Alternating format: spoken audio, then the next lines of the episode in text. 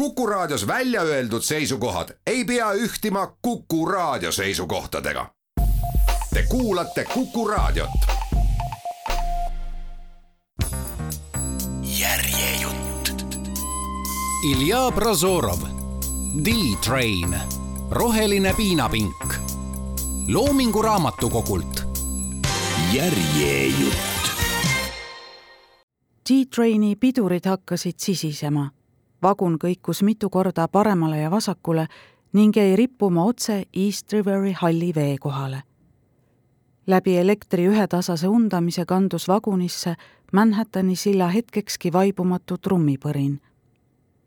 selles kohas peatus rong harva, aga täna oli just selline harv päev ja miks on rong kesk silda, ei osanud reisijaist keegi seletada õigemini see ei erutanudki kedagi vagunites istujatest ja seisjatest, kes nägid välja nagu kliiniku koridoris arstile pääsemist ootavad patsiendid. kõigil oli täiesti kama, miks ripub T-train keset Manhattani silda otse East Riveri kohal selle tohutu linna keskpunktis, selle ääretu maailma keskpunktis. Saša istus oranžil plastistmel. ta oli osa vagunist kuid polnud veel osa neist, kel on täiesti kama, miks ripub D-Train otse East Riveri kohal keset Manhattani silda selle tohutu linna keskpunktis. linna, kus kõik kutsuvad teda Sašaks, kuigi tegelikult on ta Salima. aga täisnimi? ei, täisnime on parem mitte teada, sest et täisnime pole ettevalmistuseta inimesel lihtne välja öelda. seepärast lühendavadki kõik ta lihtsalt Sašaks Saša oli sünnitanud Usbekistan, päikesest kõrbenud kodumaa liivale, eurooplase jaoks raskesti hääldatavatele nimedele ja häälikutele ning kuivale, kõik elava oma teel ära kõrvetavale tuulele. varem oli vähe neid, kes oskasid tema kodumaad kaardil näidata, aga nüüd, nüüd piisab, kui lüüa maanimetus interneti otsinguribale ja saad täieliku info ühes üksikasjalike kirjeldustega kohtadest, maastikust, vaatamisväärsustest, kultuurist, toidust, loomastikust, kariloomadest, sarvloomadest ning inimloomadest, nägudega, kortsudega ja probleemidega, telefoninumbritega, zip-koodide ja meilidega ning muu inimaju jaoks tarbetu jamaga. metroorongid töötasid nagu kellavärk liikusid ühtlase kiirusega ega vedanud reisijaid peaaegu kunagi alt. kihutasid pikki vanu räpaseid tunneleid, vasardasid ratastega vastu rööbaste liitekohti, pöörangutel looklesid nagu ussid ja armastasid jaamade vahel peatuda ning mõni minut seista, otsekui tuletades meelde midagi enese jaoks väga tähtsat. siin, nendel lõpututel Alma raudtee jaamavahedel pillas Saša mõned kuud tagasi rongirataste alla oma kodumaa, nagu olid pillanud enne teda tuhanded, miljonid temasugused ja nagu pillavad veel tuhanded ja miljonid. Saša ei talunud, kui rong järsku tunnelis peatus, aga veel vähem talus ta seda, kui rong hangus siin, Manhattani sillal, sest siin vaatas talle otsa uus kodumaa, tema uus linn, mis õrritas meeli oma hommikuste kahvatute tuledega Saša vaatas neid tulesid ja oleks tahtnud ulguda, tuua kuuldavale veniva ja kaikuva ulu, et teda kuuleks kogu maailm. et see maailm ütleks talle, lihtsalt ütleks või ei, vihjaks, et tal hakkab kõik laabuma, et kõik läheb kindlasti hästi. aga Saša ei osanud ulguda. ulgumise asemel hakkas tal kõht näljast korisema Saša pöördus ära aknast, kus pealetükkivalt mänglesid tema uue kodumaa tuled ja heitis pilgu vaguni seinale, millel rippus kirev plakat.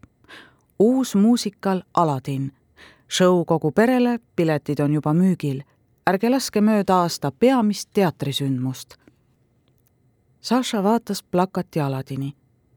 Aladin oli indialane, samasugune nagu tema kaotanud kodumaa Alma raudtee rataste alla ja omandanud uue selle arvukates jaamavahedes.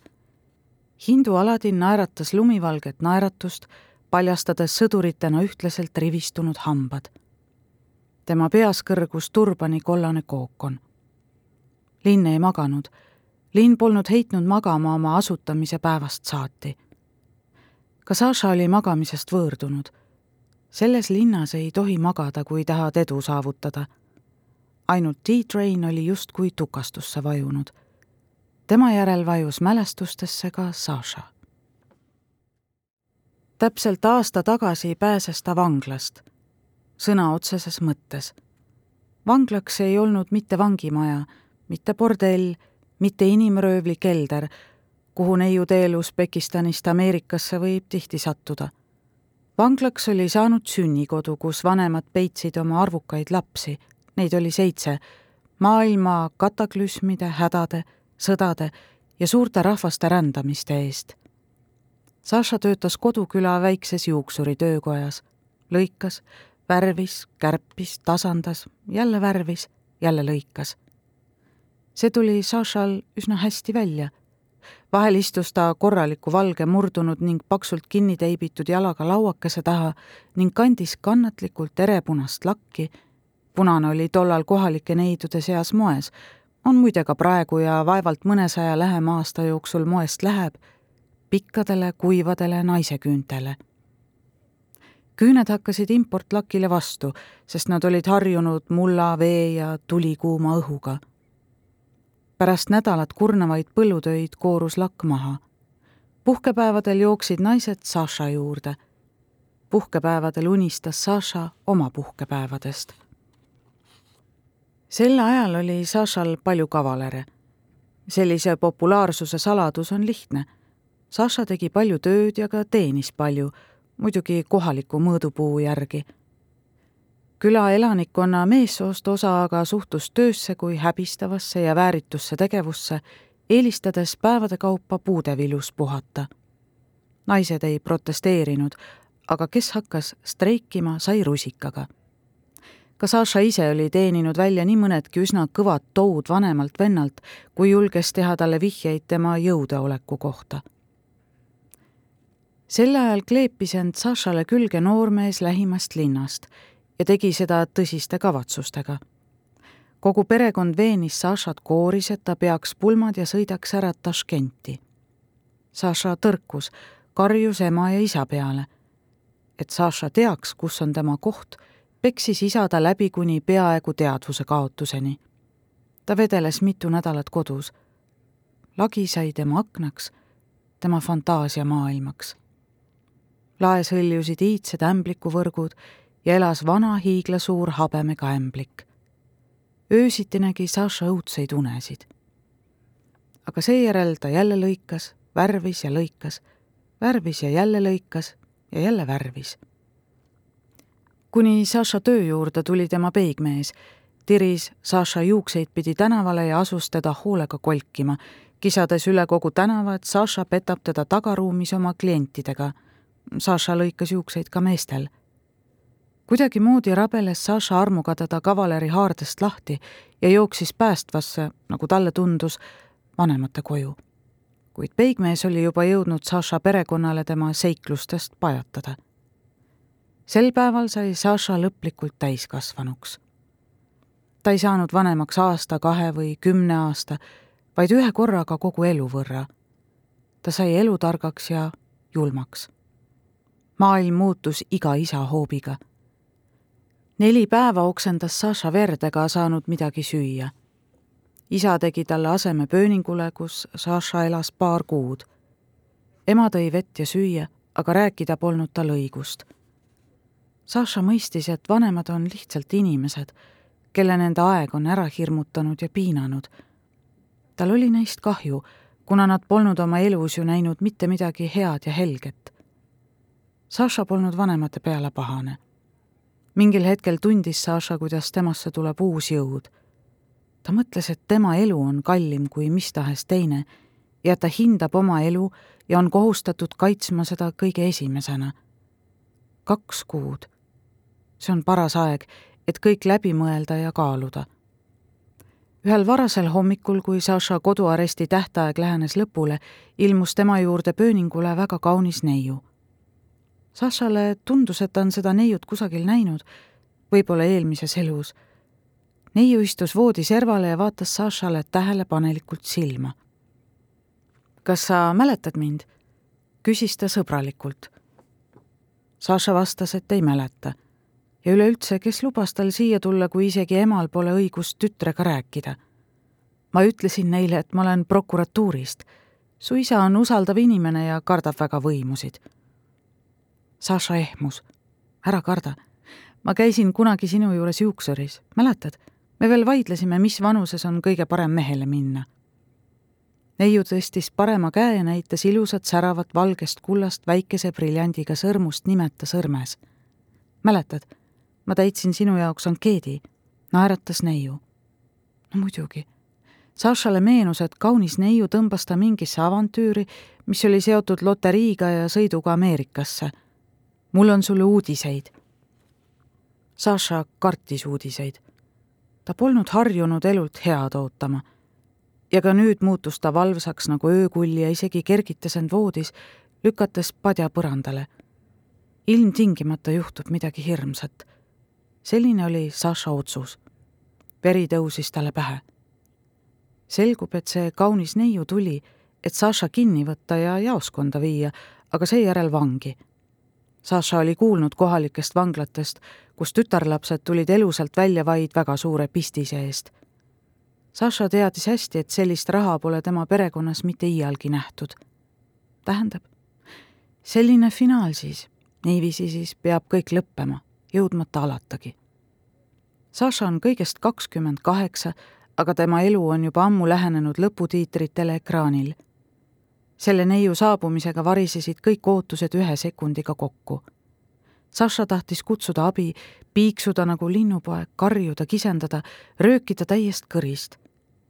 õnnitlen, varsti sõidad sa Ameerikasse.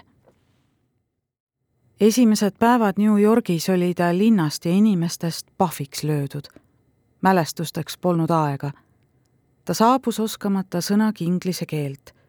tema esimeste kuude rotielust Brooklyni serval poolkeldrikorrusel sai suurepärane ellujäämiskool.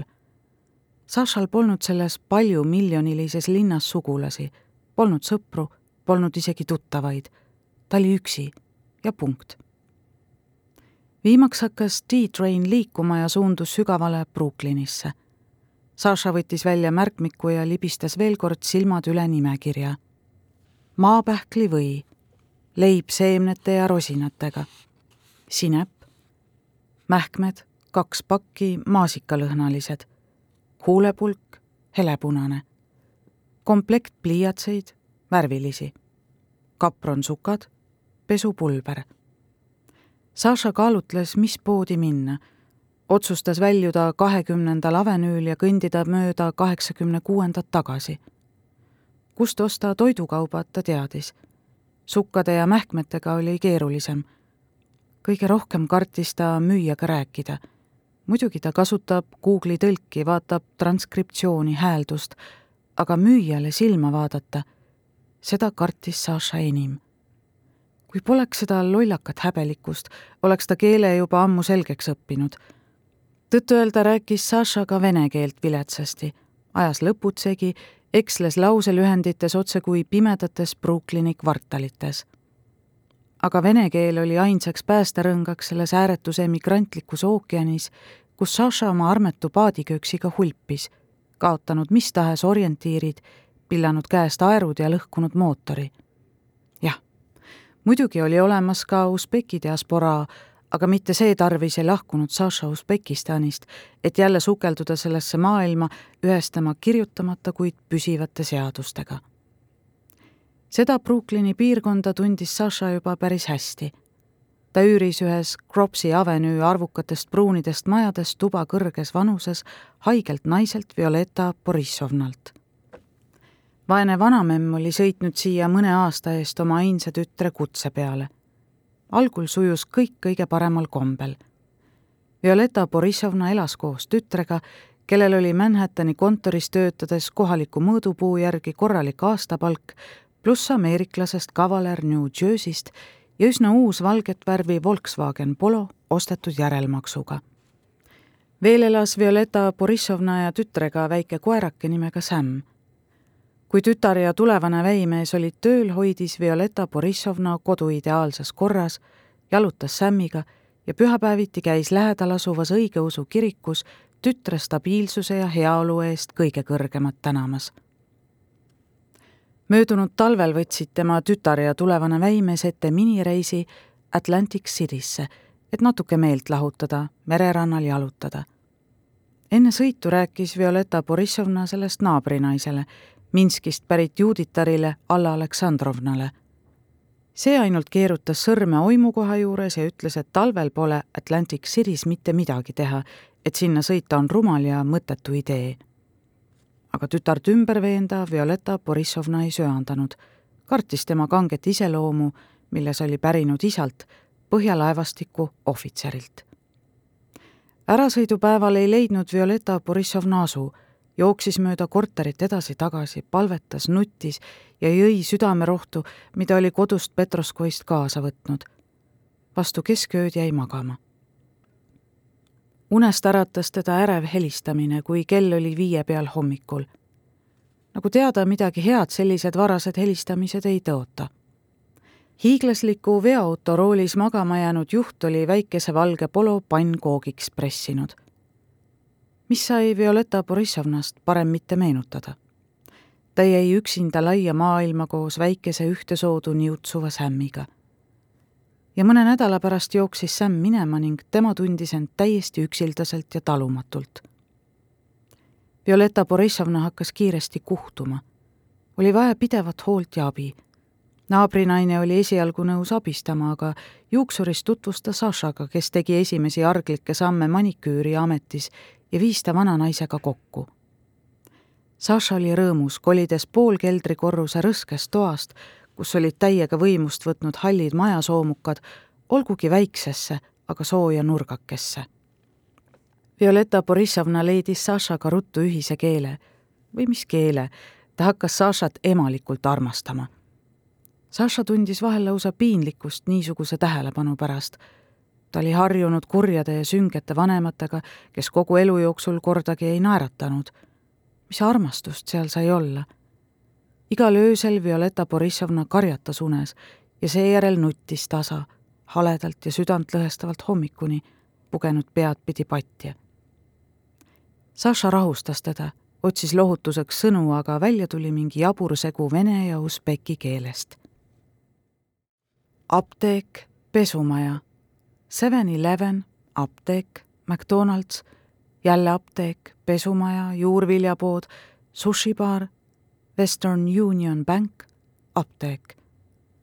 Saša uuris nõutult silte. Brooklyni kaheksakümne kuues tänav hämmastas alati oma küllusega. Saša kodukülas võis sellist pilti vaid unes näha. Brooklynis on võimalik elada aastate kaupa, minemata suurele maale. paljud nii ka teevad pärast kolme pikka tundi poodide vahel rähklemist sai Šaša lõpuks kõik ostetud, mis oli Närva vanainimese käega paberitükile kirja pandud. kell kaksteist null null päeval astus Saša Kropsi tänava korterisse. oled see sina, my dear? küsis köögist vaikselt vananaise ingellik hääl. mina, vastas Saša sama vaikselt see polnud esimene kord, kui ta tundis korteris ebameeldivat lõhna, justkui roiskuks köögis radiaatori taga mingi üleküpsenud puuvili. ainus selgitus, Violeta Borissovna tohletab. Saša sai aru, et niipea, kui perenaine sureb, lendab ta tänavale. tänavat Saša kartis. ükskõik, mida võib ta välja kannatada, ainult mitte tänavale. noh, kuidas sul läks, lapsuke küsis Violeta Borissovna hellalt, kuivatades käsi köögirätikusse. Saša pani koti ostudega lauale, istus laua äärde ja hakkas nutma. mina mitte midagi aru saada, ütles ta läbi pisarate. mina täiesti mitte midagi aru saada, mul on nii raske aru saada, mida minult tahavad. lapsuke, ära nuta. Violeta Borissovna võttis Saša võbisevate õlgade ümbert kinni kas on siis midagi hirmsat juhtunud? mõtleks, esimest korda läksid keelekursustele, õpid ära, sul pole valikut. isegi mina, vana vare, ja ka olen midagi õppinud, ise, vaatasin televiisorit, kuulasin raadiot. sellesse peasse on veel midagi vajalikku ladestunud.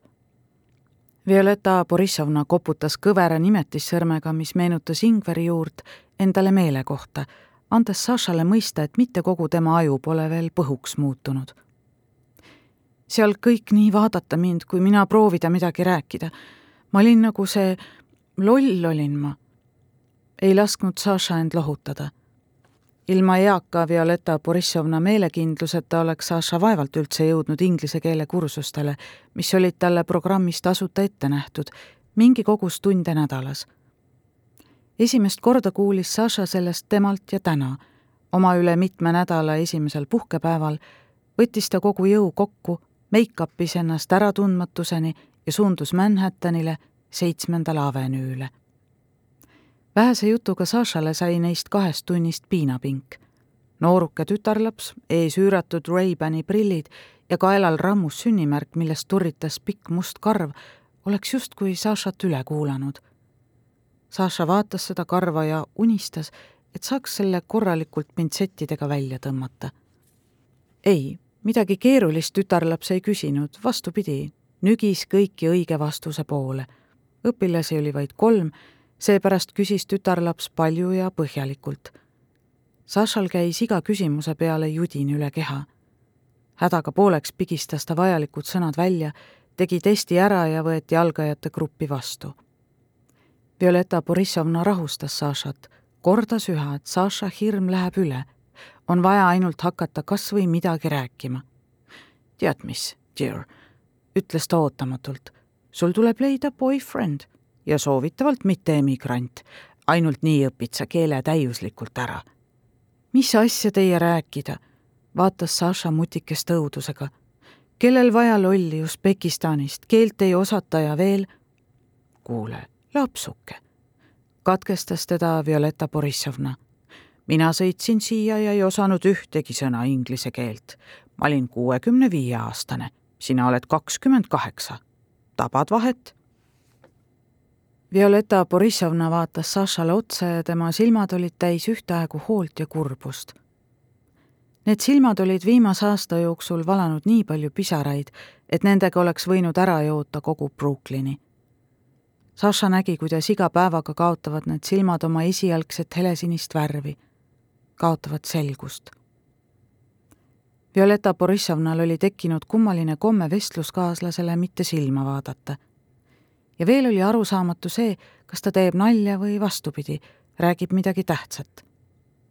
Saša, ütles ta häält alandades. ruttu on vaja mehele minna, ruttu, lapsuke, muidu on sinuga kaputt. Violeta Borissovna tõmbas aeglaselt pöidlaga üle kõri, näidates kaputti. siis hakkas närima sellesama pöidla küünekisku ja sülitas ära hammustatud kisu põrandale sugenes pikk tobe paus. Saša vaatas enese ette, kuulates külmkapi surinat ja vananaise nohisemist. Violeta Borissovna otsekui ärkas. lapsuke, kas ostsid kõik, mis ma sulle kirjutasin? Anna mulle nimekiri. Saša ulatas talle sirgeldisega paberitüki. Violeta Borissovna pani prillid ette ja hakkas osavalt nagu mustkunstnik paberkotist oste välja tõmbama. võttis sinepi sinep, leib, pesupulber. muidugi mitte see. ta püüdis teha nägu, nagu rikuks seda tuju, aga käib kah. kindlasti tuleb võtta soodus, pea meeles. maapähkli või pliiatsid. hakkan sämmi joonistama. Violeta Borissovna tõmbas välja paki mähkmeid ja haaras parema käega südamest. ja mis see on? vaatas ta küsivalt Sašale otsa kuidas mis? vastas Saša. Mähe, kas te siis ei näha? Violeta Borissovna potsatas kogu raskusega toolile. Saša, sa ikka oled tobuke. Ta keerutas käte vahel suurt pakki mähkmeid. Need on laste mähkmed. lapsuke, milleks kuradiks on mul vaja laste mähkmeid? kust mina teada, milleks kuradiks teile see huulepulk? et kirikusse minna Saška, ma ei nõua sinult palju. kas sa siis ei tea, et on olemas täiskasvanute mähkmed? laske ma minna ja vahetada, tegi Saša ettepaneku. no problem, ma ei teada, et on täiskasvanute mähkmed. mõlemad jäid vait. Sašal oli piinlik mutikese poole vaadata.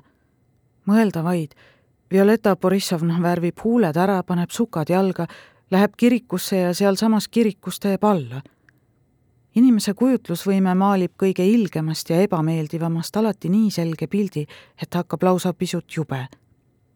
tuleb välja, et on olemas täiskasvanute mähkmed, mõelda vaid. iga päev sai Saša teada midagi uut. huvitav, kuidas täiskasvanute mähkmed välja näevad. Saša ei pannud tähelegi, et ütles need sõnad kuuldavalt. väga lihtsalt näevad nad välja, vastas Violeta Borissovna nagu lastemähkmed, aga seal on kirjas for adults. kuuled, for adults.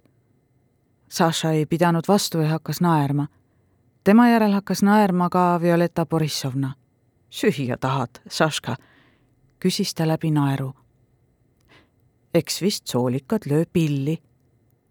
ta ei oodanud vastust ja kargas toolilt püsti, sööstis külmkapi juurde haaras ülemiselt riiulilt mitu muna, pani panni tulele ja valmistas munaroa. kõige sellega tuli ta toime erakordselt kiiresti ja osavalt. Saša jõudis ainult käed puhtaks pesta ja imestada vana perenaise väledust. Saša püüdis Violeta Borissovna juures ruttu õppida kõike, et saada maksimaalselt sõltumatuks võõrast abist. aga jälgides tähelepanelikult eaka naise elu, ei soovinud ta enda oma sel kombel lõpetada sügavas üksinduses ja vähimagi lootuseta vaiksele ja rahulikule vanaduspõlvele. palju üksildasi mutikesi, hüljatuid ja saamatuid kohtas Saša Brooklynis. ja iga kord kujutles ta nende asemele ennast. et nii ei läheks, teeb ta eesmärgi nimel kõik. eesmärk oli üks, nagu kaheksakümnel protsendil selle linna elanikest. oma korter, olgu väike, olgu esimesel korrusel, olgu ilma rõduta, olgu roostes vanniga, olgu pikk tee lähima metroojaamani, olgu Brooklyni põliselanike suurte priskete tarakanidega, aga korter, oma korter New Yorgis. veel tahtis Saša väga, et saaks edukalt mehele ja need kaks eesmärki vaheldusid tal alatasa. kuid hea korteri puhul astuvad mehed ise ligi, lendavad nagu mesilased nektari poole ja on, kelle seast valida Saša tormas munaroa kallale nagu tiiger. täna polnud ta veel söönud. Peale jõi musta ilma koore ja suhkruta kohvi, sõi röstitud leivaviilu maapähklivõiga. seda pani Saša leivale alati õhukese kihi. Violeta Borissovna ütles talle seepeale. võta rohkem, Saša, ega me ju Usbekistanis ela. ja kõkutas rõõmsalt nüüd vaatas Violeta Borissovna aknast välja köögirätik üle õla visatud see pilt valmistas ette tõsiseks jutuajamiseks ja see tuli. Ikkagi on sulle vaja boyfriend'i, Saška, alustas ta emalikul toonil. tugevat, et oleks pea otsas ja käed küljes ja et ühtki teist keelt ei oskaks peale inglise ja elama peate koos. võite siin elada, mina lähen ära. tasa, ära sega vahele. see korter on ju minu oma, Saška pühendas Violeta Borissovna Sašat sosinal oma saladustesse. Ma jõudsin kõik dokumendid valmis teha. mingi osa tuleb veel maksta kümne aastaga. aga sa saad ju hakkama. mis on kümme aastat, lendavad mööda nagu üks päev. ah, aga nad ju tahtsidki jättagi mind siia, ise kolida Jersey'sse, osta seal maja. oleksin kõigil puhkepäevadel sinna sõitnud, lapselapsi kantseldanud, aga nüüd Saška oh, Saška, elu tundub vahel nii ebaõiglane, lausa tõpralik, issand halasta. tead mis, Saška, ma mõtlesin tagasi koju sõita. mis sa jõllitad? jah, koju. sinna jäi ju maja, aiamaa. no ja, Ženja on ju ka sinna maetud. mul pole siin midagi teha. lase käia, otsi boyfriend otsi Saška tugevat ja usaldusväärset meest, deklareeris mutike parteilase kombel õhus rusikat raputades. raudset ameeriklast otsi. teistest osariikidest need on vintsked. hakkad teda armastama, süüa tegema ja pesu pesema. sünnitad lapsi, lapsed saavad kohe kodakondsuse, on hiljem sulle tänulikud, et ema sünnitas nad siin, aga mitte kuskil seal karuperses. anna andeks, issand. rasket jutuajamist oli ta alustanud. Sašale sellised jutuajamised ei meeldinud milliseid sisetülisid ja sõdu polnud emigrantlikus maailmas korterite pärast küll toimunud. poole kõrvaga oli ta töö juures kuulnud jubedaid ja veidraid lugusid, kuidas pannakse jalg taha, röövitakse ja kiusatakse ainuüksi ruutmeetrite pärast. ja oli raske uskuda seesugust õilsat žesti ka Violeta Borissovna poolt. elades sisimas üle oma õnnetust, võis too kähvata mida iganes. Saša oli selleks valmis ja püüdis tema sõnadele mitte suuremat tähendust anda. vana inimene jampsib, mõtleks. aga milleski oli Violeta Borissovnal ometi õigus. Sašal oli meest vaja. järjejutt. Ilja Prozorov, D-Train, roheline piinapink, Loomingu Raamatukogult. järjejutt